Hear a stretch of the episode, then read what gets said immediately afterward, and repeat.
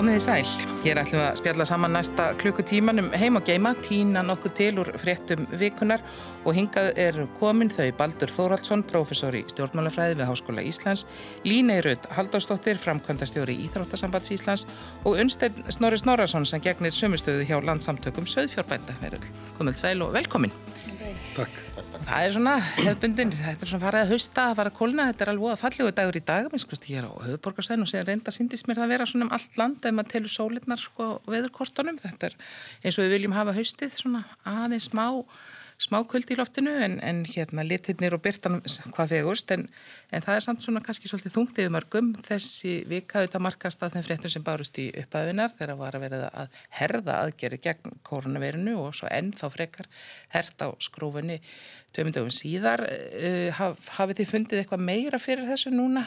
Við bara byrja hérna hjá þér Unstein Ég sjálfur sér kannski ekki, ekki beina áhrif okkur söðfjórbændur. Við vorum alltaf búin að, að takast á við haustið með mjög markusum hætti við það var smittvarnir við göngur og réttir.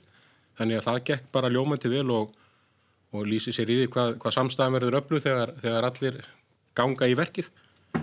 Um, tengi síðan okkur störfum er, er það að, að slátuleifisafar eru náttúrulega aukandi yfir sínum rekstir hann er viðkvæmur, þetta þarf að ganga rætt e, í þessar verkið og þar eru menna að, að gæta þess að, að hérna, við það að smittvarnir og láta það ganga án, án þess að nokkuð komu upp. Já.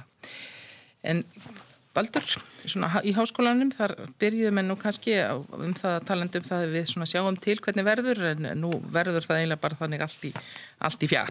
Já, það var nú flest kjensla strax frá upphæfi eh, hausmiðsýris bara í loka ágúst var eh, í fjárkjenslu þannig að það hefur ekki verið breyting fyrir mig ég er, ég er búin að vinna, vinna heima síðan, síðan í ágúst eina sem er að maður þarf meira að setja undir þessu hausin og reyna að vera jákvæður í þessu ástandi mm. það, er svona, það er svona meiri vinna, vinna í því þannig að ég ákvað núna á, á mánandina að taka upp á því eftir morgumat alltaf svona að hjóla lítinn ring í hverfinu Já. 20 mínútur hálftíma svona upphæfið dags mér, mér finnst að það muna miklu bara þess að koma sér í gang sko því maður er orðið svona miklaður undir lók dags sem maður hefur ekki farið út úr húsi mm. Línei, þetta var nú svona svolítið, svona, ég segi ekki skjálti í Íþróttarhefingunni hérna upphæfi vikunar og svo sérstaklega þegar voru hva, hvað væri tilmæli og hvað væri reglugerð og, og hérna tilmælinn gengur lengra heldur en reglugerðin. Mikið rétt, mm. það er að segja og ég held að Þóról hafa nú komið mjög vel inn á það að það kannski ratar ekki allt inn í reglugerð og hann kom hann með viðbútar tilmæli til þess að taka allan vafa hvað hérna hverjar hans fyrirætlanir voru í þessari baróttu gegn veirunni og, og við náttúrulega erum svolítið regludrifin í Íþróttarhefingunni þannig að við viljum átt okkur inn í reglur en þarna kom alveg afdráttarlaus og skýr tilmæli um það að, hérna, fella niður allt Íþróttastarf á höfuborgarsvæðinu og ég held svona að þó svo eins og við segjum og þú kannski komst inn á að það er svona uggur og örgur aðeins í íþróttarhefingunni en þá eru allir tilbúinu samt til þess að máta sig inn í þessar reglur og fara eftir bæði reglum og tilmælum og sannarlega þurfum við að hafa þetta mjög skýrt fyrir hvort sem það er íþróttarhefingin eða, eða önnur starfsemi. En þetta, hefur, þetta er að hafa gríðarlega mikil áhrif á líf allra yfganda og, og keppenda út um allt. Það er það og ef fólk lítur á kannski fyrstu línuna í þessum tilmælum þá er, er tilbeðsla um það að allir haldi sér sem mest heima við og mér finnst það ganga náttúrulega lang lengst eh, og að við reynum að fara að þeim tilmælum e, eins mikið og, og kostur er. Og svo náttúrulega tilmæli til höfuborgarbú að vera ekki að fara út af höfuborgarsvæðinu og svo omvend að aðri sem eru fyrir utan að koma ekki inn á höfuborgarsvæði og þetta er ekki út af neinu sem að þetta kemur til. Og ef við vitnum kannski aðeins bara í í þessa rannsókn, óformlegu rannsókn sem að ég held að það verið kennar og akkurir gerði og viðtöl við, við unga krakka. Eh, engin elskar COVID en COVID elskar COVID og það er nú kannski bara svolítið svo leiðis og við erum að reyna að vinna á þessari veiru. Það er ekki það er ekki hérna, hvað við segja barningurinn er ekki við þórólf eða víði eða helbriðisráð þeirra eða, eða íþrótarhefinguna eða ISI heldur er það við erum að berjast við þessa veiru og reyna, reyna að berja hana niður. Baldur að tala hérna um að halda í jákvæðina en það er svona kannski farið að gæta bara þreitu hjá fólki vegna aðgerðum og svo þegar er enn, ennþá herta þá verða menn svona, veist, þetta, bara, þetta bara tekur verulega á og kannski ekki skrítið þó menn fara að segja, svona einhverji fara að segja, ég meina það er bara þannig það má aldrei gaggrína neitt sem kemur frá sótlandheimild. Já, já, þetta er, þetta er rétt og það er svona líka svolítið fólk var búið að held að þetta væri, það væri búið að sigra veiruna hérna í vor og þannig að mennum er kannski ekki tilbúin aftur í, í, í sama slægin og, og, og við veitum líka, við bara sjá það að, að, að við erum að atvinnulífið er ekki að taka við sér og það er hömlur sem að hefur á það að, að afkoma fólks og fyrirtækja er, er að raungerast meira þannig að það útskýri held ég líka svolítið svona hugarfarið í kringum okkur. Menn hafa svona svolítið verið að horfa, horfa reyna að liggja á glukka á stjórnarheimilinu og einhverju telja sér merkja þar einhverju svona ágreining eða minnst einhverja tókstreitu. Baldur, hvað heldur þú um það? Já, það virðist vera samkvæmt eh, frétt, fréttum að einhverju tilteknir á þeirra sjálfstæðarflokksins sé kannski ekki alveg sáttir við þessa takmarkarnir sem er verið að, að, að setja og það er rauninni ekkert skrítið að það séu skipta skoðanir upp um það hvernig eigi að bregðast við þessu. Ef að kannski eitthvað er, þá hef ég rauninni kannski bara verið hissa hvað hefur, að skul ekki hafa verið meiri ágreiningur á þingi um það er aðgerði sem gripið hefur verið til, rauninni allt frá síðast, síðastliðum vori. Það er ekkit skrítið að menn seti spurningamerki við svona aðgerðir, vilji fara aðra leiðir. Það er bara heilbriðt í líðræðislegu samfélagi. Þannig ef eitthvað er, þá hefur kannski verið meiri samstæð að mér finnst heldur en hefum við átt von á og af því við spyrum beintu ríkistjórnina þá hefur hún sínt mikla samstöðu. Ef það sé ákveðningur innarinnar sem ég veist ekki með blöðin hafi rétt fyrir sér að þá kemur hún uh, samhend út á við. Og uh, þar heldur fórsetisráður auðvitað mjög vel um. Uh, og ég held að það skiptir máli í þessu en þó með takist, takist á bak við tjöldin. En við kannski meðum ekki gleyma þessu samingi að sko við, við fengur henni mjög gott sumar við vorum eiginlega COVID-laust land og menn gáttu valsa hér um minnstu kosti í júli nokkuð frjálst kannski vandamáli var það að við höfum ekki verið nú góð að fara eftir tilmælum í ágúst og september. Þannig að ég, mér, mér sínist að sóttvarnarlæknin hann beigði lengstu lög meðan því að setja takmarkanir fyrir þetta rúmri viku og svo aftur núni í þessari viku. Hann, hann var að byggla til okkar að fara eftir tilmælum sem við kannski ekki allir gerðu e, og það er vandamálið. Þess vegna er, er, er við komin í þessu stöðu sérum í dag og kannski þurfum við bara einfallega reglur og lög sem skikka okkur til þess að hafa okkur til dikinn hátt til þess að sé hægt að vinna búið á þessu. En menn voru kannski líka bara, ég segi ekki sopnuð ekki á verðinu, menn voru bara ánæð með sig og, og sitt í sumar og, og þetta hefði nú allt gengið vel og við hefðum værum bara í fremstu röð og svo núna eru komna tölur þar sem nýgengi smittar orða eins og breyland sem við verðum að horfa á sem hefur ekki verið svona kannski við ekki tala til fyrirmyndar sko, og þá, þá svona rökkum menn svolítið í gút sjálfsögðu og ég held að hérna, þeir hafa ekkert verið óhrættir í þrýjökjuna að kalla eftir, eftir því að fólk sé gaggrínið.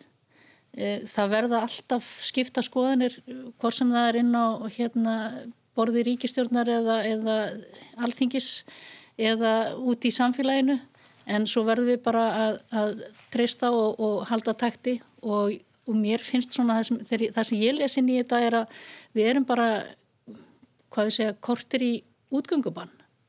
Þannig að við verðum bara alltaf að taka okkur saman og, og berjast við þessu og þá kannski 19. Eh, oktober verður hægt að lifta einhverju af þessum takmarkunum sem núna er gildi. En, en þetta, er, þetta er ekki auðvelt að standa hana í brúni og, og, og stýra þessu. Já, því þetta eru náttúrulega gríðarlega mikil yngripp í líf fólks, menna það er verið að segja fólk sko, ekki fara neitt og ekki fara út í búðun nema einn í einu og þetta eru ekki hitta neitt og helstum og þetta eru, við erum að tala um kannski líf sem við, við kjósum okkur og þetta fæst. Já, já, það má kannski segja fyrir okkur, okkur bændur, þá er þetta nú kannski oft einfalt, við erum nú mikið einir við okkar störf og hérna vinnudagarna þó að þessa takmarkanir séu er ekkert svo breytur Og, en, en ekki síður það að við þurfum að, að vera mjög vakandi fyrir smiturðum að því að við höfum kannski ekki sama öryggisnetið upp á hlaupa ef eitthvað kemur upp á inn á okkur búi eins og dæminn hafa sínt. Ég, ég held ekki að upphæði faraldur síns, bæði hér á landi og, og í Európu, þá töldum en til dæmis algjörlega útlokað að þeir gætu sett, sett reglur að lög sem bönnuðu fólki að ferðast myndi landa. Menn heldur það væri bara ekki mögulegt. Já. En það hefði síðan, gerist að hér og að annar staðar. Landið er í rauninni óbeint lokað. Nú eru við beðin hér á höfuborgarsvæðin að fara ekki út fyrir svæðið e, þetta eru alltaf gríðarlega miklu hörmölu sem, sem verður að setja á okkur og með heldurinn þetta væri ekki hægt en ég er nefnilega samanur línei ef að, ef að sko við förum ekki eftir einn tilmælun sem núna eru, til dæmis að, að, að höfuborgarbúar fari ekki út um all land sko þá verða bara setta á okkur ennþá strangari hömlur mm. Og, og það var ekki kostunni en gæti reyns nöðsilegt. Og það hefur náttúrulega verið tilbeiðslan að fara tilmælun svo þurfi ekki að fara í, í hertar aðgerði sem að hreinlega bara setja okkur laurugluvald sko. Jájá, nú er það náttúrulega þannig svo að það er hægt að sekta fólk fyrir brotasóttunlegum og eitthvað hefur verið um það, þó ekki hefur verið mikið sem betur fyrir. Sko.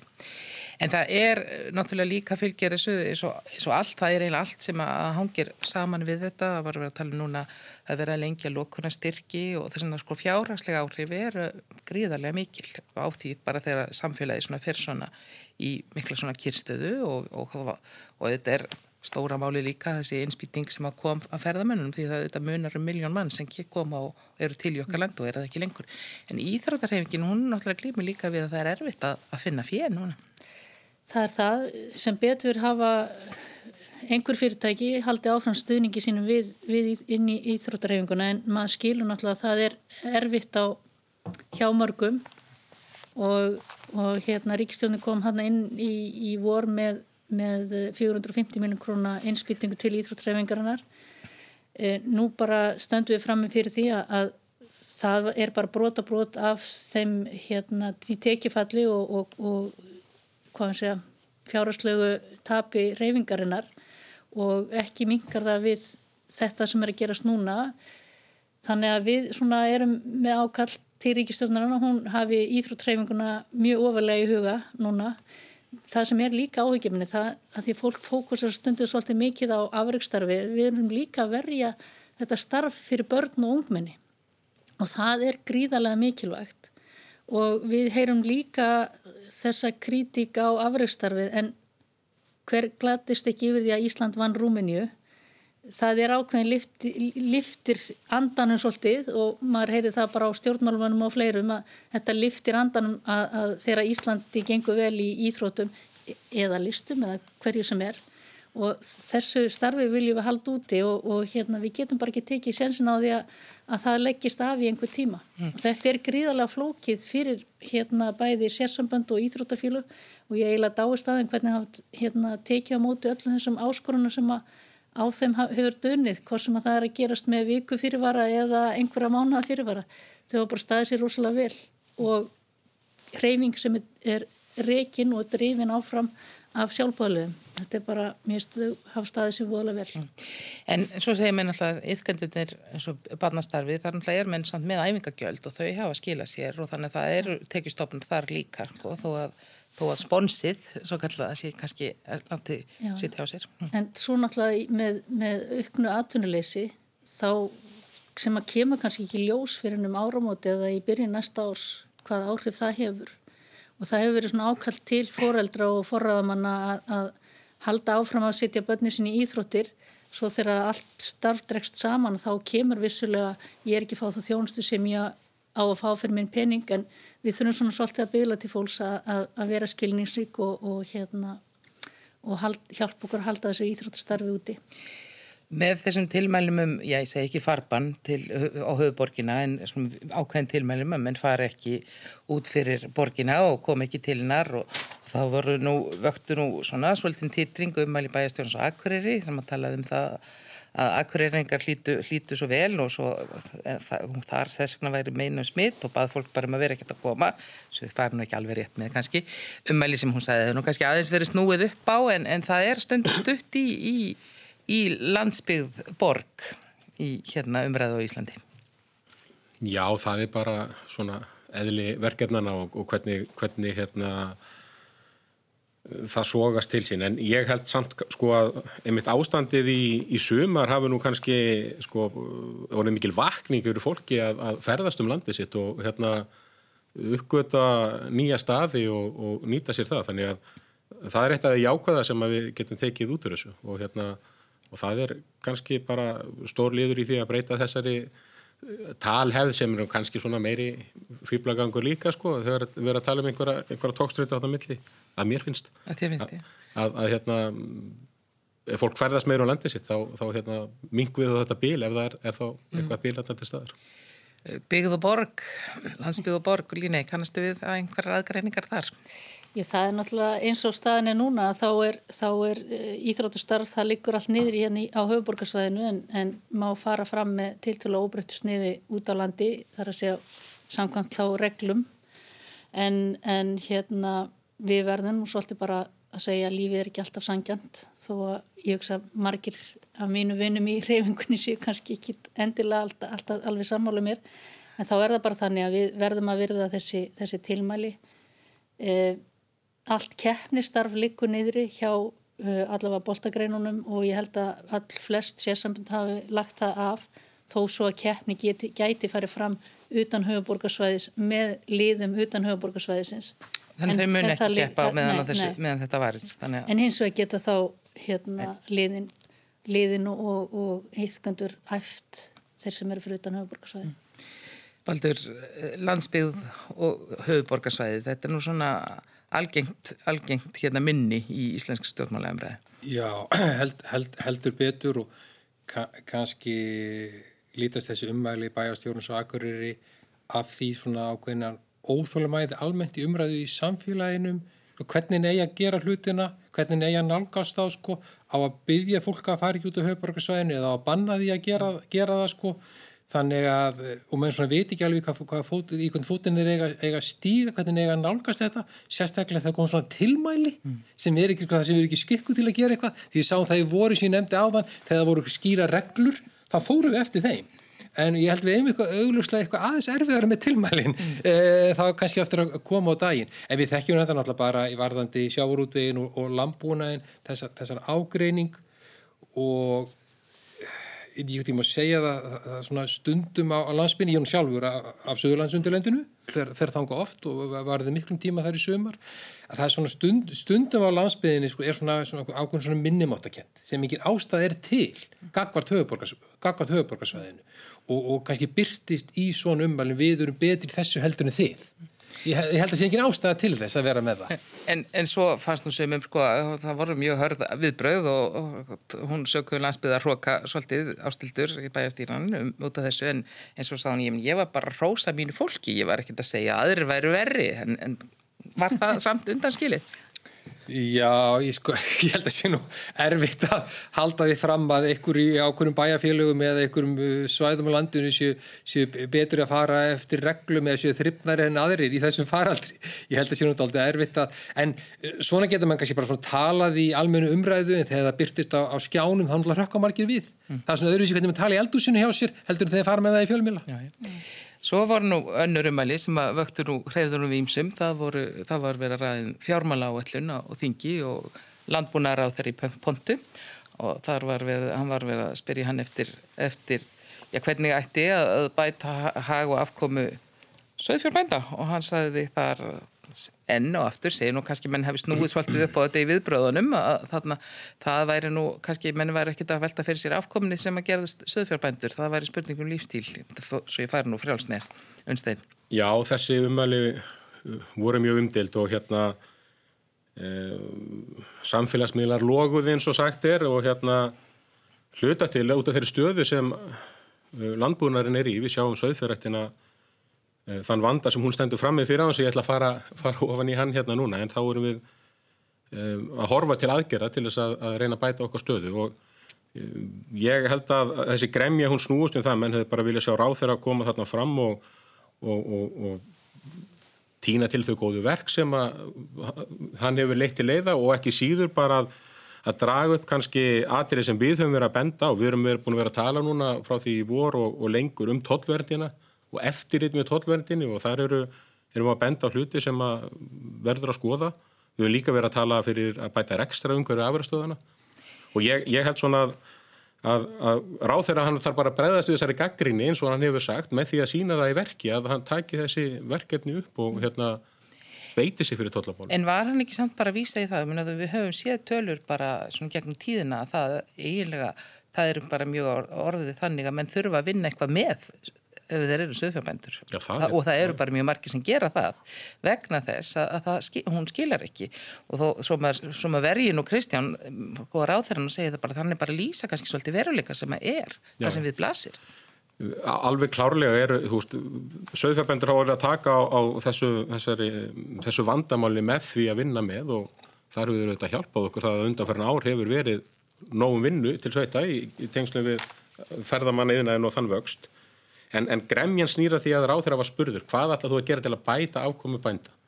Og, og svarið var bara, fannst bönnum ekki taktu þá stöðu sem eru uppi og þau verkefni sem eru framöndan. Þannig að og enn og eftir segi ég, Kristján Þór hann, hann hefur sagt það og hann þarf að gera það hann þarf bara að koma fram og sína það í verki að hann, hann ætli sér að, að ebla og standa um íslensku landbúna eins og ég veit að hans hugustendur til Baldur, Sko, þessi umæli raunir áþennast voru raunir, raunir með merkileg því að e, yfirleitt er nú landbúnar á þeirra gegnum ára tíina þekkti fyrir það að standa mjög vel þétti bakið á bændum og landbúna að kerfinu. E, sko, e- eitt er kannski að maður lítur gaggrinum augum á þetta er það að sko að ráþeira að það sé spurning til ráþeira hvernig ætlar þú að bæta hag söðfjárbænda eða bænda heilsinni. E, það, má alveg spurja það, er það, er, er það réttu farvegur fyrir spurninguna til, til ráþeiras sem virðist alltaf vera leiðin. Því að maður veldi líka fyrir sér sérstaklega ljós umhverja ráþeiras hvort að þetta kerfi sé ekki alveg bara, e, sé ekki orðið nokkuð úrelt. E, hvort að þurfi ekki að stokka það upp því að bændur svo, svo lengi sem ég mann eftir mér hafa verið að gaggrina e, léleg kjör og þau eru að mér skilst mjög léleg kjör bænda miða við í löndum í Evrópu sem við viljum be beða okkur saman við og, og það verður sér að sami upp á teningunum í dag og var fyrir 30 árum þegar ég byrjaði að fylgjast með umræðinni og það hefur ekki ná, nást uh, að breyta þessu. Þannig að spurningin er þarf ekki að stokka þetta, þarf ekki að stokka þetta upp. Í dag ef, ef ég fer rétt með að þá verju í fjárlögum fyrir 2021 eru 17 miljardum varið til landbúna að gerast. Af þeim fara tæplega 5,3 miljardar til sögfjörraktarinnar og uh, það má alveg velta fyrir sér er, er, væri peningunum eftir við ekki betur varið? Ef við viljum með þessu við held að byggða á landinu og ebla byggðin út, út á landi eru kannski aðra leiðir betur farnar til þess að gera þetta? Og ég held við erum að spurja þetta og opina spurninga og, og vera miklu viljur til þess að ræða þetta opinskátt. Til þess að veitum svo sögularsundilendinu það er bara bullandi atvinna. Þa, það vantar yðnaðamenn til, til verka. Það er mikið og spennandi nýsköpun í gangi ekki bara í ferðamariðinaðinum heldur líka uppbyggingu sko, menningar, menning, menningarstaða og annað. Og ég held við sjöum ekki að skoða byggðastefnina nógu vítt. Við erum ennþá of mikið að líta á bændur og hefðbundi búskap og til dæmis ekki verja nógu miklu fér til dæmis bara í, í, í lífrana rættum og lefa ungu fólki að spreita sér með nýsköpun. Já, einstein. Þetta er náttúrulega bara svolítið vandamál umræðum landbúnaðamál. Það er þessi tenging við að framleiða matvæli og svo einhvers konar byggðastefna. Þetta helst algjörlega í hendur. En, en um, við þurfum auðvitað að, að í grunnunum til eru að framleiða þetta matvæli. Við erum að, við erum að með stuðniskerfi við landbúðina að við sem þjóð ætlum að framleiða matvæli. Það er, það er grundvallar stefið. En um leið erum við auðvitað að, byggja undir og skapa störf í dreifum, dreifum byggðum. Þannig að þetta, þetta helst allt í hendur og það sem að er að gerast núna líka er það að, að landbúnakerfi okkar, það eru, það eru svona þrjár megin stóður undir því. Það er, er, er afurðveri sem við fáum og það erum við að glíma af ákveðin vandamál sem að við Við, við, þurfum, við erum að kalla eftir kerfisbreytingu þar. Ég held að það sé algjörlega rétt, við þurfum að taka þú umræðu. Er kerfið að þjóna okkur? Og erum að nýta þá það fjármagn eh, sem til okkur er varið með bestum hætti. Því að ef að svo stóð sem að við köllum stuðningin til bænda frá hún ofinbera, ef hún er í lægi en hinn er ekki, þá er það fjármagn kannski ekki að nýtast eins og best væri kosið.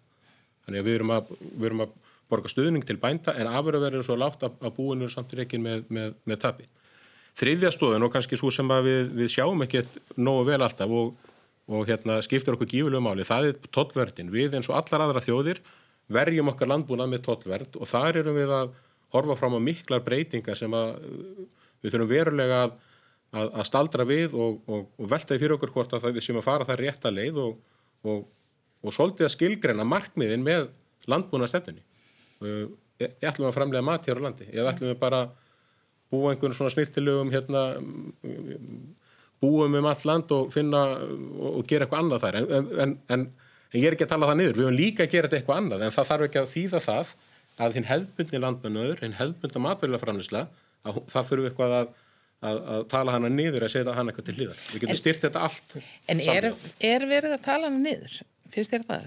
Verið að, sko, við erum, það eru náttúrulega mikla kvartningar alltaf til þess að neyta einlendra afurða og eins og Baldur er vikið líka kannski það er svona viss reyfinga menn borðið það sem nær er fengið svona í nær, okkar nær umhverfi og svona, en hún er kannski ekki, kannski ekki nógu almenn, ég veit það ekki. Hm. Þa, það er allavega að verða gífuleg breyting þarna og það er bara á örfáum árum hefur þetta viðþór breyst mikið og líka bara og, og bændur eru bara í miklu meira mæli að, að stíga fram og segja ég vil gera meira, ég vil koma snær neytendanum og neytendur eru að læra á þessu samskipti og þetta á eftir að stækka og eflast og, og, og styrkja allt kerfið, mm -hmm.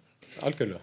Klukkan er að verða hálf tólf. Þegar sitja hérna hjá mér Baldur Þórhaldsson, Línei Haldurstóttir og Umstedt Snorarsson og við erum komin hættulega næri mjög djúbri umræðu um landbúnaðamál sem er þörf og, og, og gagleg en kannski ekki alltaf hérna auðvelt að komast fram vorinni og margir sem fótar sig mjög illa í henni. Línei, svona, við erum mörg hver bara veltum við fyrir okkur kannski ekki einu sinni það hvað mjölkin kostar út í búð sko. Ég, ég gerir það reyndar en, en, en mér þetta er bara óhugsund að hafa ekki íslenska mjölk og þetta er óhugsund að hafa ekki íslensk lambakjött. Það er bara uppistan í, í mínu mataræði og, og hérna ég held að við þurfum svona aðeins að, að huga að þessu hvað við viljum gera og líka í þessari segja, fæðu framlegslu hér á Íslandi. Þú veist, matvala framlegsna við viljum íslenskt og, og þá þarf kannski að stokka eitthvað upp til að gera þetta betur en ég held að við viljum hafa okkar íslenska lambakjött. Í, í, í dag finnst mér í vaksandi mæli, við, þetta er sett upp þannig í umræðinni, það eru bændur gegn neytundu og það er mjög slæmt í umræðinni. En það er ekki nýtt, það er búin að vera svoleiðis núna Já. bara nokkar, nokkra ára tíu. En, en í vaksandi mæli finnst mér þessi neytundur er að kalla eftir lífræðinni ræktaðir í íslenski vöru.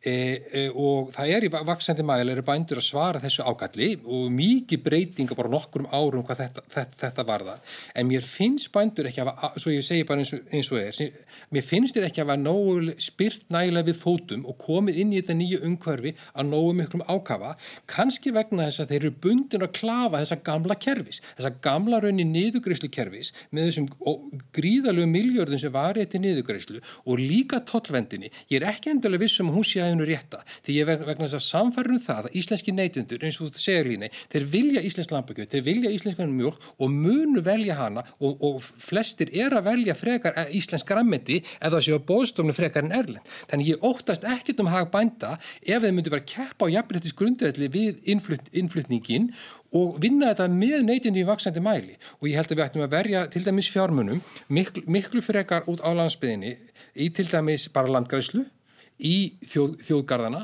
bygging, byggja upp e, menningar, menningar mið, miðstöðar svo ég nefni bara eins og fræðasetur fyrir 8 á rángaföllum eða í tengslum eitthvað við e, sög, sögusýningar eins og, eins og njálu og sögurnar kring, kringu landið. Það er mjög mikið hægt að gera. Það er að efla tæ, tæknimöndun og nýskupunarnálgunum á landsbyðinni vegna þess að landsbygðinni gengur mjög vel, til dæmis á Suðurlandi sem ég nefndi á, að það er skortur yðnamönu, ég hef verið að vinna í verkefni þar tengdu ferðarþjónustunni og við höfum bara í vandraði með fólk til að vinna verkin. En Suðurlandi er náttúrulega kannski það sástaður á landinu þar sem að ströymur hérna erlendu ferðamanna var þingstur og mestur og það er þar sem að menn há kannski farið lengra í þá áttheldunum í annar staðar. Og meðan að aunstin er að tala um, um bara matvæla framlegslu líka sem landbúnaðin Já, þetta er líka bara mjög ólík staða eftir svæðum og við höfum áhyggjur bara af, af því að það eru ákveðin svæð á Íslandi þar sem að byggða festan er söðferrættin, bara sem dæmi og það er alveg þörfu því að hafa verulegar áhyggjur að því hvernig, hvernig lík samfélag muni þróast á, á næstu árum. En er það samt ekki líka eilífa umræðu efni líka í sambandi við byggða stefnu? Er það að það er byggðastefna snýst auðvitað jú um það að fólk hafi tækifæri í sinni heimaböðin en endingu þá er það hver og eitt sem tekur ákvörðunum hvar hann vil búa. Jú, og, og við veitum það alveg að byggði landinni hefur breyst mjög mikið og, og hví skildun vera eins og hún er núna en ekki eins og hún var fyrir sko, 100 árum eða eins og hún verður eftir 100 Já, já, algjörlega, en sannsam áður, fólki sem býr á þessum svæðum þarf, þarf að hafa lífsviðuveri og það sem það hefur í dag að hluta til, það er náttúran og, og búskapurinn sem það stundar og það, það er bara kraf okkar að við getum stunda þennan búskap með eðlilegri afkomi og það er ekki staðin í dag. Og það er út af ímsu, það eru margar ástæði fyrir því. Kerfið okkar er, er hérna svifaseint að, að taka við breytingum. Og við erum líka þá fyrir vikið svolítið sein að, að, að reyfast með. Það að taka ákvarðunum að fara að gera eitthvað annað það er langt ferli að þó að sé hérna, eftirspurn eftir hérna, brokkóli núna í sumara, það er ekkert víst að það verið eftir þrjú ár þegar ég væri tilbúin til að fara í þá ræktun. Þannig að það er eitt af einu áskurunum við það að, að, að grípa tækifæri landbúnaði að hlutinni gerast hægt þannig að mann þurfa að hafa framtíða sín vissu fyrir því hvert hlutinir eru að fara og, og, og það er líka eðlið landbúnakerfa, þau eru mjög kvik. Staðan í dag er allt önnur en á morgun þannig að það er svolítið, það er svolítið erfitt að, að elda trendi í, í þessum hlutum. Svo ef ég leiði með þessu útvíkað sem röðu, þá má segja kannski að það er mjög margt gott við Íslensk stjórnmál. En ég held eins og er Íslensk stjórnmál, það hef ekki ráðið við það verkefni að breyta landbúnakerfunu, bæði með hagsmunni neytindu í huga og líka bænda. Þau eru bara ófæður um það. Þeir flokkar sem að stýrt þessu kerfi, sko verða núna hér byrju heila öld, fyrir að nálgast það, eru ófæður um þetta. Rétt eins og þeir eru ófæður um það að endur skrifa stjórnarskrána og þá er ég ekki endilega að kalla eftir nýri stjórnarskrá nákvæmlega eins og hún var sett upp. Nú erum við að tala um það að það verði kynnt, fórsættisráð þeirra segist alltaf að leggja fram núna breytingar einhverjar á stjórnarskrá. Já, einhverju takmörgum mæli, við skulum, það verður aðriðlisvægt að sjá hvort, hvort að hún nær þessu fram, en hinga til, hún er ná síðan 1944, rétt á sem er landbúnaðankerfið, hefur alþingi og þeir stjórnmálflokkar sem hafa ráðið og farið með völd verið ófær um að bregðast við nýjungum. Línei, erum við í stöðnu samfélagi? Nei, ég held að sé nú ekki í stöðnuðu samfélagi en, en, en sannarlega hérna er ágefni bæði náttúrulega hvað mörg eh, bíli hafa farið, ég hvað að segja, í eyði uh, en, en samt einhvað síður er mjög margt fólk, margir bandur sem hafa farið í, í að hérna, finna sér aðra leiðir, hvað sem það er með gistingu eða uh, nýri ræktun á, á, hérna, grænmiti eða öðru, þú veist eða bara einhverju þjónustu fyrir, fyrir ferðamannin þannig að ég held að við lifum ekkert í stöðnuðu samfélagi en, en sannlega getur við kannski byggt betur undir eins og landbúnaðin og, og hvað eina hérna í okkar innviðum og ég held að, að það er eitthvað sem er bara verkefni framundan fyrir okkur öll og ekki síst stjórnmálumennina að styðja baki á, á mismöndi greinum í landinu. Áttu vonaði að verði mikla einhverja breytingar á þessu kerfi núna á næstunni? Það er núna á þú myndist á slátutíðina, nú er menn að tala um sko að stundu verið talað um, um afverðastöðunar og saminu þar og samkeppnislög og annað slíkt í, í því samingi sem að er það stórt mál? Já, það er algjörlega, það er algjörlega ljóst að þar verðum við að, að taka umræðin og leita lausna til þess að, að hérna, snúa dæminu við. Því ef við gerum það ekki, þá fer þetta bara á einn veg að við, við hérna, töpum niður um, þessum búskap og, og allir þeirri sóun sem, sem að því fylgir. En ég held svona kannski að, að leiðin í gegnum þetta allt og ég er svolítið sammála því að maður skoðar, það er mjög áhugavert að skoða, já, mér finnst áhugavert að skoða landbúnaða sögun og, og, og sögu þess hvernig við höfum verið að reyna að stýra þessu kerfi. Það er mjög hérna, merkilegt hvernig, hvernig það hefur verið og sundundum fer þetta í, í ringi en ég held að, að, að það sem við þurfum að umræðan þarf svolítið að, að fara í þann farfi núna að við ákvöðum hvað við ætlum með, með landbúnastefninu og það er þetta það sem ráþæri hefur líka bóðað að við, við þurfum einhvern veginn sem þjóð að segja hvað við ætlum að gera með landbúnað í Íslandi og þaðan þurfum við síðan að vinna okkur áfram. Og þið bara hérna, befuðu staðins í tröstinu á ráþærunum í ljósiðan umælunni vikunni? Já, ég, við rukkum þetta í gút en eh, hann kom nú síðan inn á, inn á sviðið og útskýrði málsitt og hefur það í hendi sér að, að hérna, láta verkinn tala. Ég vil bara til dæmis að við sjáum okkur takast á við landbúnamál, tökum sem dæmi í, í Breitlandi að þar yfirleitt í kringum svona miðan ágúst þá er skrifið fréttar og þar segir þeir nú er maturinn okkar búin. Nú eru við búin að borða allan mat sem við breyta framlega. Mm. Þar er pólitingi þeirra og þar er hugsunin hjá þeim þeir þekkja það frá sögun að hérna í kringum setni heimsturöldar til dæmis að þar, þar var stór hluti af, af átæki í bresku þjóðarinnar, það var bara auka landbúna til þess að brauðfæða þjóðina og, og þetta er hugsun sem við þurfum að kannski að horfa eins meira til hvað ætlum við sem þjóð að gera hér í að vera sjálfbari að framleiða okkar mat. En, en, en þurfum við þá ekki helst að fara inn í sko, annars konar framleiðslu? Hefur ekki, hefur ekki verið oframleiðsla á, á, á kindakjöti í gegnum tíðina og, og, og var það varðandi mjölkin en kannski ekki, leng, ekki lengur. Já, já. Saga hérna, landbúnaðarins er frá því 1970 er, er, er átökum það að hemmja framlýslan í, í öllum heiminum já. og hérna það hefur verið, verið svolítið verkefnið en, en það er algjörlega sko neytendur, þeir eru kvikir og þeir eru að kalla eftir, eftir meiri fjölbreytileika, við sjáum það bara í í úrvali í matvörubúðum. Við framleiðum ekki aldrei allan þennan mat en við getum gert svo miklu meira en við gerum. Þa, það er hugsunni sem þarf að vera. Við myndum aldrei vera 100% Þetta er bara hug, bara örlítið dæmu sem, sem, bara, sem, sem tengis mér sko, það, það sem er efst í huga. Í, verk, í sumar hefur verið í því verkefni að gera upp manngerða hella á Suðurland og bænum ægisíðu sem var stóru mikil búgjörð en engi búskapur er lengur á Við gerðum upp nokkra hella og, og, og, og eh, höfum tekið á móti ferðamönnum en á Suðurlandi eru svona 200 manngerði hellar sem allir voru nýttir af bændum í mörg hundur ár fyrir, fyrir geimslur og fyrir fjö sem, sem hlöður Allir, allir þessi hella liggja undir skemmtum í dag, nánast, nánast allir, við gerðum við fjóra hella, við fengum þúsundir íslendinga til að skoða þessa hella og sögðum ekki bara söguna hugsaðum landnámi fyrir landnám, að írskir menn hafi gert þessa hella fyrir landnám norðina manna, heldur líka hvernig bændur nýttu þessa hella í áranar rás. Þannig að, að, að svo á mörgum stöðum er svo mikið að tækja fara með það út á landsbyðinni að ekki bara vinna með útlendingum, þetta er líka íslendingum sem, sko, sem þistir í okkar eigin sögu eins og þetta dæmi held í síni. Heldur að þetta sömar eins og margir tala um það svona sömarið sem íslendingar fóru að ferðast innan lands vegna þess að þeir hafðu ekki tækifærið þess að fara alltaf útlanda. Haldið það muni breyta okkar hegðun svona upp á framtíðan að gera? Ég ætla bara að vona það að við förum að ferðast meira innanlands. Ég ferðast mjög mikið innanlands og upp á hálendið og út um allt og, og Ísland er bara einn perla. Og þeir útlendingar sem hafa komið og heimsótt mig og farið með mér á landi, þeir bara, þeir eru ekki til orð. Þú vart að segja, það er fullt af perlum sem eru, við erum ekki búin að uppgötveinu sinni, en eru þarna til og ef við förum bara aftur í söguna eins og þú vart að tala um þessa hella sem hafa verið nýttir af bændum og, og mögulega fleirum í, í, hér á árum og öldum áður þetta, þetta er bara stór merkilegt og, og, og þykir bara mjög merkilegt þegar, þegar útlendingar eru að koma hérna og Íslandingar er að núna uppgötva þessa perlur, við þurfum ekki að sækja þær til útlanda og mögulega eru þær bara enþá flottari perluna sem við eigum hérna heima til að skoða. Eldur þú einst einna að ferðavennjur í Íslandinga muni breytast til frambóðar eða hafi breyst til frambóðar? Já, ég er bara akkurat samálaði sem að hér kemur fram og ég held líka að, að það er stór hlut af, af því sem að útlendingar og íslendingar eru líka sækjast eftir. Það er að ferðast um landið og sjá þar uppluga byggð, hvort sem að það er einhver sem er einhver vélaverstaði eða stundar búskap og, og hérna, sjá þessa flóru.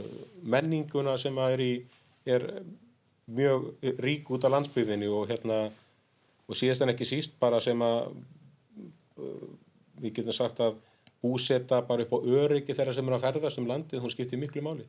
Bændur aðri sem þarf búa uh, gegna líkil hlutverki almannavörnum sem dæmi og, og hérna, það er einstakt kerfi og, og, og hérna, hluta sérstöðinu og einhver sem við þurfum að viðhalda og halda í. Mm. En ef við stökkum aðeins út fyrir landsteinina, þá komumst nú korki löndninströnd sjálf svona í holdinu, eða, eða gerum það ekki minnskvæmst ekki mikið, þá var náttúrulega mjög fyrirferða miklar fréttir um helgina síðustu og, og fram eftir henni og ennþá núna af heilsu bandaríkjaforsta sem að lagðist inn með COVID-19 og menn náttúrulega tóku kannski ekki síst eftir þessu vegna það er mjög stutt í kostningar og menn er alltaf velta vengum yfir því hvernig fer. Eh, Baldur, þú hefur nú svona fylst með pólitíkinni í bandaríkjunum. Nú eh, er þetta eiginlega búið spil fyrir Trump? Nei, ekki enn. Það er nú ennþá rúmlega þrjárvíkuti kostninga og margt sem getur gerst. Hins að hefur það gerst eftir uh, fyrstu kapraðu þeirra og núna þegar vika er frá því að fórsetting grindis með COVID þá hefur eh, brekka bílið að milli bætins og hans. Trump er að tapa fylgi og bætin að styrkja stöðu sína. Og það er ekki bara svona almenna kannarinn sem sína þetta, heldur líka þegar litið er til einstakra málaflokka, hvort með trista sko bætin frekar eða Trump, þá er það orðið bara svona, ef ég rúna þetta nokkuð af, þá eru svona um 60% bandarækjamanna sem e, eru frekar klindi e, stefnu bætens þegar kemur til dæmis að, að glíma við COVID-faraldurinn að e, sjá um heilbriðiskerfi í bandaríkjónum, að koma á auknum e, jöfnu, jöfn, jöfnuði og meir sem hefur Bidens eh, meiri fylgi þegar kemur að lög og reglu og tryggja lög og reglu í samfélaginu heldur en Trump sem er mjög erfitt fyrir fórsetaframbjóðanda e, republikana. Einasar sem Trump er að skora jafnhátt og bætin er þegar kemur að því að stjórna efnahæginum og bæta efnaha bandaríkjana. Þar er ekki margtakum munur, að fylgi þeirra. En þar getur Trump uh, sótt í sig veðrið og ég heyri það að Trump ætla nú að tala fyrst í, í, í dag í kvítósunu og þar ætla hann að leggja áherslu á lög og reglu uh, og þessar áarpas óverðið sem hafa verið í, í, bandaríkjónum. En Trump er ekki baki dottinn. Uh, ég held að hann hefði getað uh, gert mjög betur í þessari viku ef hann hefði sínt ákveðna samúð, uh, verið auðmjögur, en það er náttúrulega einst alls ekki í hans kar karakter. Hann rauninni fór bara beint inn í það eins og hann hefur verið að gera sem hefur verið kallað á íslensku svona eitruð kallmennska það er þannig sko að e, menn e, sko getur náttúrulega ekki sagt þessu veikir ekkert býtur á mig ef, sko. nei, nú ekki sagt þessu veikir og ef þessu veikir þá hafa raunin aldrei verið betri mm.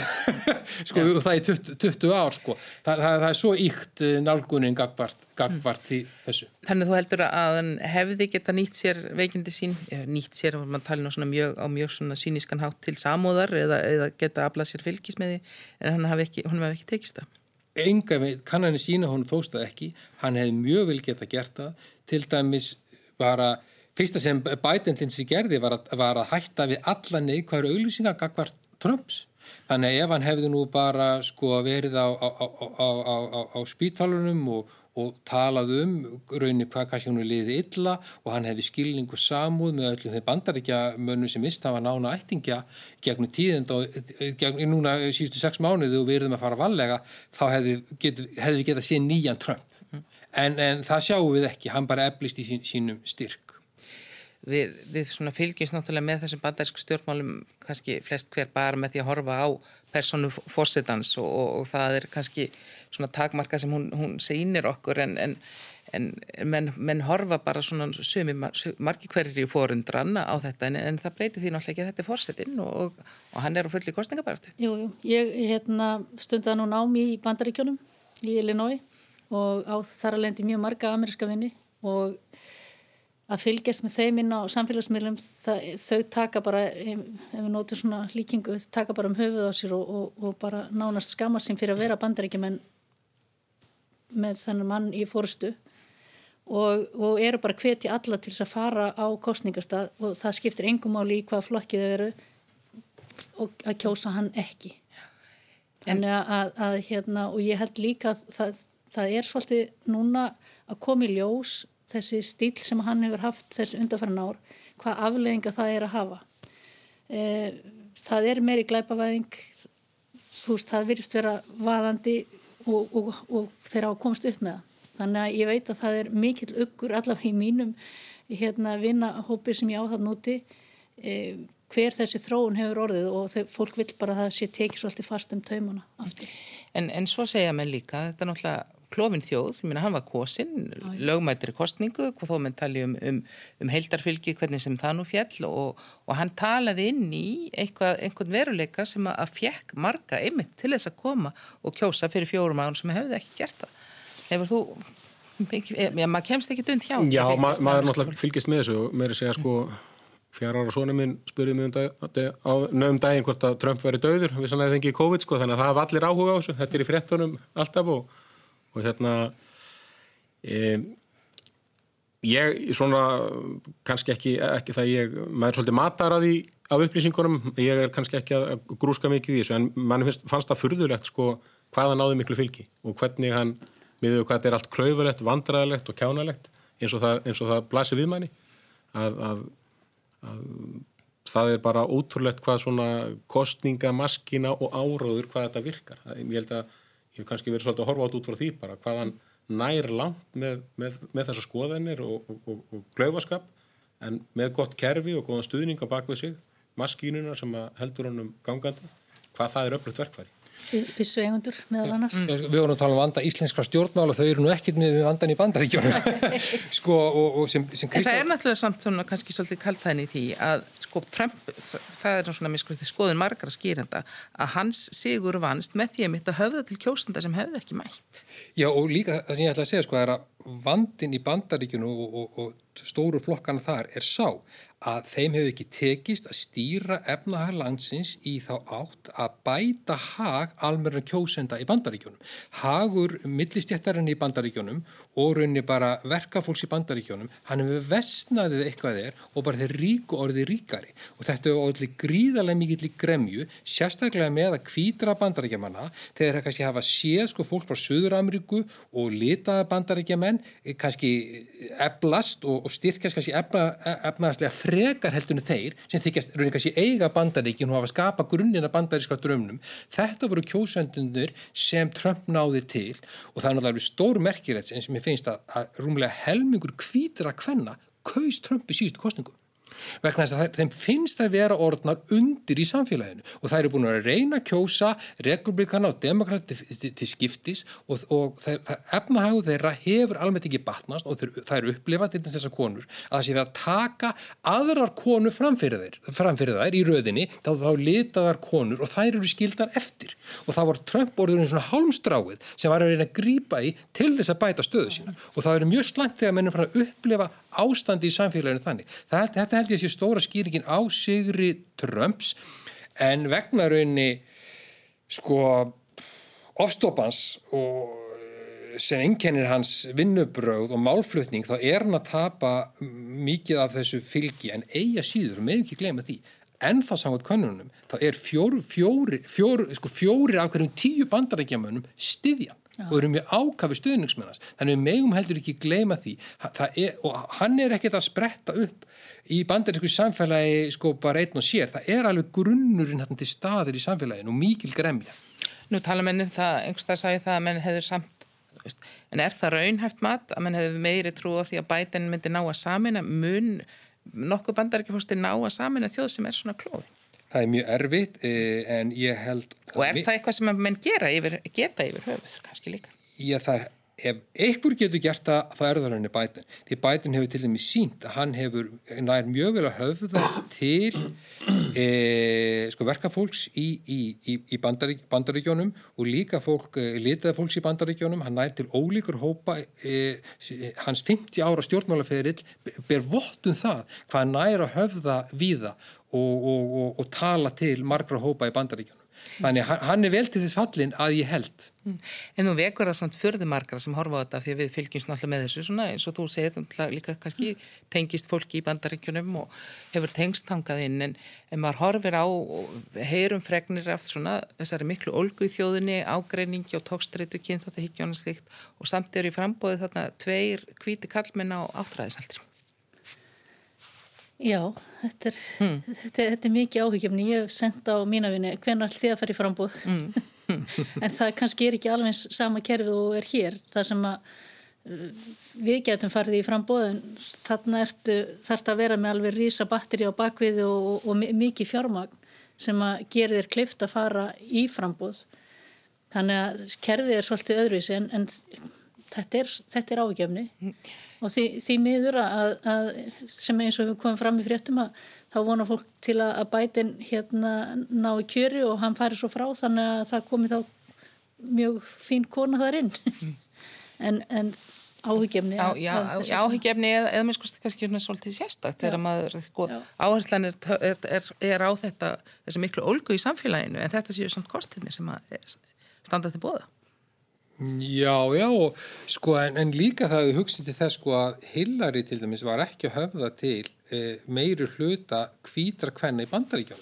Það er einnig aðdeklisvist, það er það sem sínir að sko þær voru að kjósa á grundvelli síns að helst efnahags, síns e, viðhorfa til félagsleira málefna frekarinn að líta á kyn frambjóðandast. Þannig við mögum ekki líka kannski gleyma því að það sem skipti verður mjög máli og hluta til ástæðan fyrir því að bætin vantöfums fórkostningarnar hjá demokrátunum var það að hann nær mjög vel til ólíkur hópa í samfélaginu sem kannski Harris átti erfitt með og fleiri sem voru uh, mótframfjóðundur hans. Talað tala, tala með Hillary, hún væri svona polariserandi. Já, hún, hún var skipti, það. Skipti bæt, mjög í tvo hópa. Já, sem bætin er ekki, er ekki eins. En ég held að hún hafi líka haft smá bakka á bakkinu. Klárlega. Já en þetta við fá svona fylgjumstum alltaf með þessu og þarna verður, já, það er ekki nema mánuður í þetta, það verður komið niðurstaða en, en menn líka velta stundum vang við þessu, horfa sko til skoðanakannina, það er þáttu ekki að gefa hérna svona, menn fáir sem trúðu því fyrir fjórum árum fyrirfram að Trump myndi vinna, vitum ekkert hvað gerist. Nei, mann fannst það útiloka þegar þetta fór á stað og að hérna, myndi ná sem árangur mm. og hérna þess vegna getur allt gerst held ég úr þessu sko. Ef hann, á, á, á einhver ásöp í erminni myndi ég halda sko. Ég sko fyrir fjórum árum þá var Hillary um það byl tæplega 5% yfir Trump í skoðanum sko, og er núna kannski um það byl 8% yfir Trumps. Það er ekkit mikil munur á þessu tölum þannig aftur getur allt, allt saman gerð sérstaklega, sko, Trump þarf á okkur óvissu að halda, hann þarf á, á okkur óvæntu að halda, það óvæntu sem gerðist í síðustu viku var þessi veikindi sem hann náði ekki að nýta sér. Gerist eitthvað annað óvænt sem hann getur nýtt sér, sko, meðan allt er, er signir, eigum að segja svona óbreytt, sko, þá er það best fyrir bætan en, en, en óvissan til dæmis að verða, fyrir ekki að verða dæmis miklu óverðir í bandaríkjónum, en meiri heldur en eru, það myndi ég til dæmis halda að myndi gagnast Trump og áherslu republikana á lögareglu. En nú eru náttúrulega líka tölurtöru fjallar um skattamálans, það er kannski ekki neitt sem að skiptir eða ræður úrslitum. Nei, það verður svo fátt sem býtur á hann. Mm. Það er alveg sama séu hvort þið kynferðisins áreitni, skattamál, e, e, já, ósegilegt atvæfi, e, já, það, það, það býtur, býtur ekki á hann því að það er dýbráðuð, menn eru að kjósa á grundvelli sko almennra viðhorfa sko eins og til dæmis til frelsinsins að láta einn yfirvaldi segja ekki og eigir að vera með grímu að þú segja þeir ekki hvernig þú átt að haga þeir. Þetta er svo djúft í, í, í, bandir, í bandirísku þjóðasálinni. Make America Great Again. Já og ekki ráðskast með okkur kannski líka. Já. Hann á öruglega eitthvað upp í erminni. En er þetta samt þessi við sem horfum á þetta náttúrulega eins og þú segir það með kusu svo á grundvelli kannski við, við persónu gerum náttúrulega bandarísk stjórnmál mm -hmm. sérstaklega mikið sko, sem áhörfundur frá öðru landi. Það, það, þetta, er, þetta er svo augljóst, þetta eru tveir menn í bóði, það er bara þessi og hinn sko, en, en svo eru kannski þannig að stefnumálin eru eitthvað sem við vitum alltaf miklu minna af. Ég, Sko ég heldur raunin að þau séu algjörlega, algjörlega grunnin af þessu við bara horfum svo mikið til Trump að því hann er svo mikið fjölmjöla aðteglinni það er þessi gríðalembið gjá sem er orðin milli e, sko frjálslindra bandaríkja mann annarsvegar og hins vegar íhjaldsamar bandaríkjana hins vegar þegar kemur að, að svona félagslegu, félagslegu má, má, málöfnum og einfallega þegar kemur að frelsinu hvort það er að setja takmarkan út á COVID e, eða, eða ekki hvort það er að leggja alla áherslu á minni, minni skatta og menn er bara bjarga sér sjálfi því kemur að helbriðismálum það eru gríðarlega mikið gjá á svo mörgum sviðum og republikanar alveg standa fyrir tiltekinn sjónamið en það hafa meira hluta í öldugadeildin og höfðu lengi meira hluti fulltrúadeildinni sem ná einfalla til eh, helmingsbandarísku þjóðarinnar. En eru við ekki hérna bara hér heima og í Evropa og fleiri stöðum sem erum að fylgjast með þessu nötafrá, við erum meira að horfa bara á hegðun Trumps versus stefnumálinn? Já og það er kannski vandamál demokrata. Ég, ég held það nefnilega þegar við, við horfum á þetta sem erum sko, svona, sem áhörvendur að maður bara horfir á þessa personur og, og þetta er náttúrulega einlega kannski íkt að það stæmið um svona það sem við kalla á, upp á einsku two horse race, því að það eru bara tveir, tveir hestar sem hlaupa þarna maður lítur meira á svo umfjöldum bara sem skemmti þátt bara hvað gerðan í dag? Hvað kemur núna í er, en, það verður uppbyggðið en mér langar það aðeins að beina sjónarhórnum á fjölmiðlum. Til dæmis þegar Biden valdi Harris sem var að fá efni sitt þá kom Trump tvítaði nokkur bara mínúti síðar einhverju neikvæði mjög nasti umræðum neikvæðum umræðum um Harris. Það var það sem fjölmiðlar sló upp Erlendis sem og hér, ekki hver Harris væri, hvað hún staði fyrir, eitthvað hún sagði þegar hún tók við tilnefningunni. Af því hann náði þess aðdegla eins og skot og þetta er vandamál demokratana. Trump er alltaf að slá vopnunu hendið þeirra þegar þeir komast aldrei að mála. Og er ná... þetta þá ekki merki, merki um það einhverju marki? Einhverju marki sé Trump bara mjög snjall stjórnmál með þér? Hann hann, hann er það vissulega, en, en hún er aðeins að skrika fótur hann er ekki alveg að lesa að ég held inn í stöðun í bandarísku samfélagi í dag það sem 210.000 manns hafa látist vegna, vegna COVID. Þetta er ekki 7,4 miljónir bandaríkja manna sem hafa fengið, fengið COVID. E, samfélagið er allt bara í lamasessi út af þessu og hann er ekki alveg að lesa þessu stöðu. Hann getur ekki sínt, samhigð mm. Þa, það, það, það held ég sé að koma húnum í kollunum Ég sá nú einhverstað að vísa til þess að hann sagði sko ég bara fjölmiðlar mun ekkert lifa það af ef að ég fell, verð ekki næg kjöri sem fórstati því að það, ég er hérna möndullin sem allt snýst um sko. og það er ekki, því verður ekki neitt að hann hefur fengið alveg gríðarlega miklu aðtekli. Já, reyni mjög stór uh, snjalli því að, ná aðtekli fjölmjöl og eirum kjósenda e, og, og láta kostningarnar snúast um það sem hann vil láta þær snúast um. Ég held að munir í eina næstu dögum að geta allt sem að getur að láta það snúast um sko frelsi einstaklingsins, lög og reglu og styrkja efnahægin.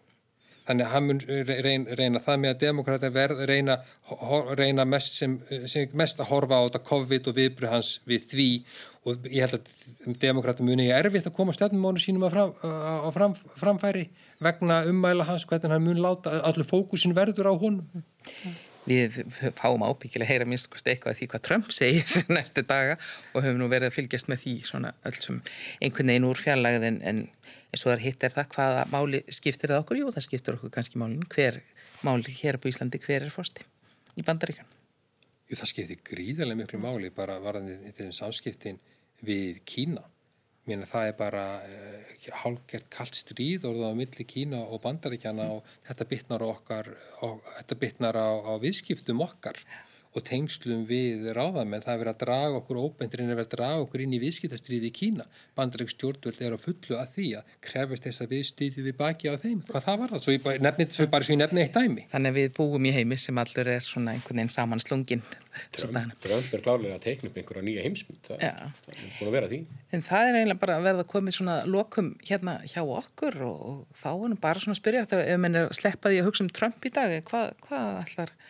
hvað, mun þessi lögadagur fyrir skauti sér frekar hunstein? Herðu, nú erum maður að undirbúa veturinn og ég ætla að fara heim og móka skýt. Já, það er verið verkefni. Línei?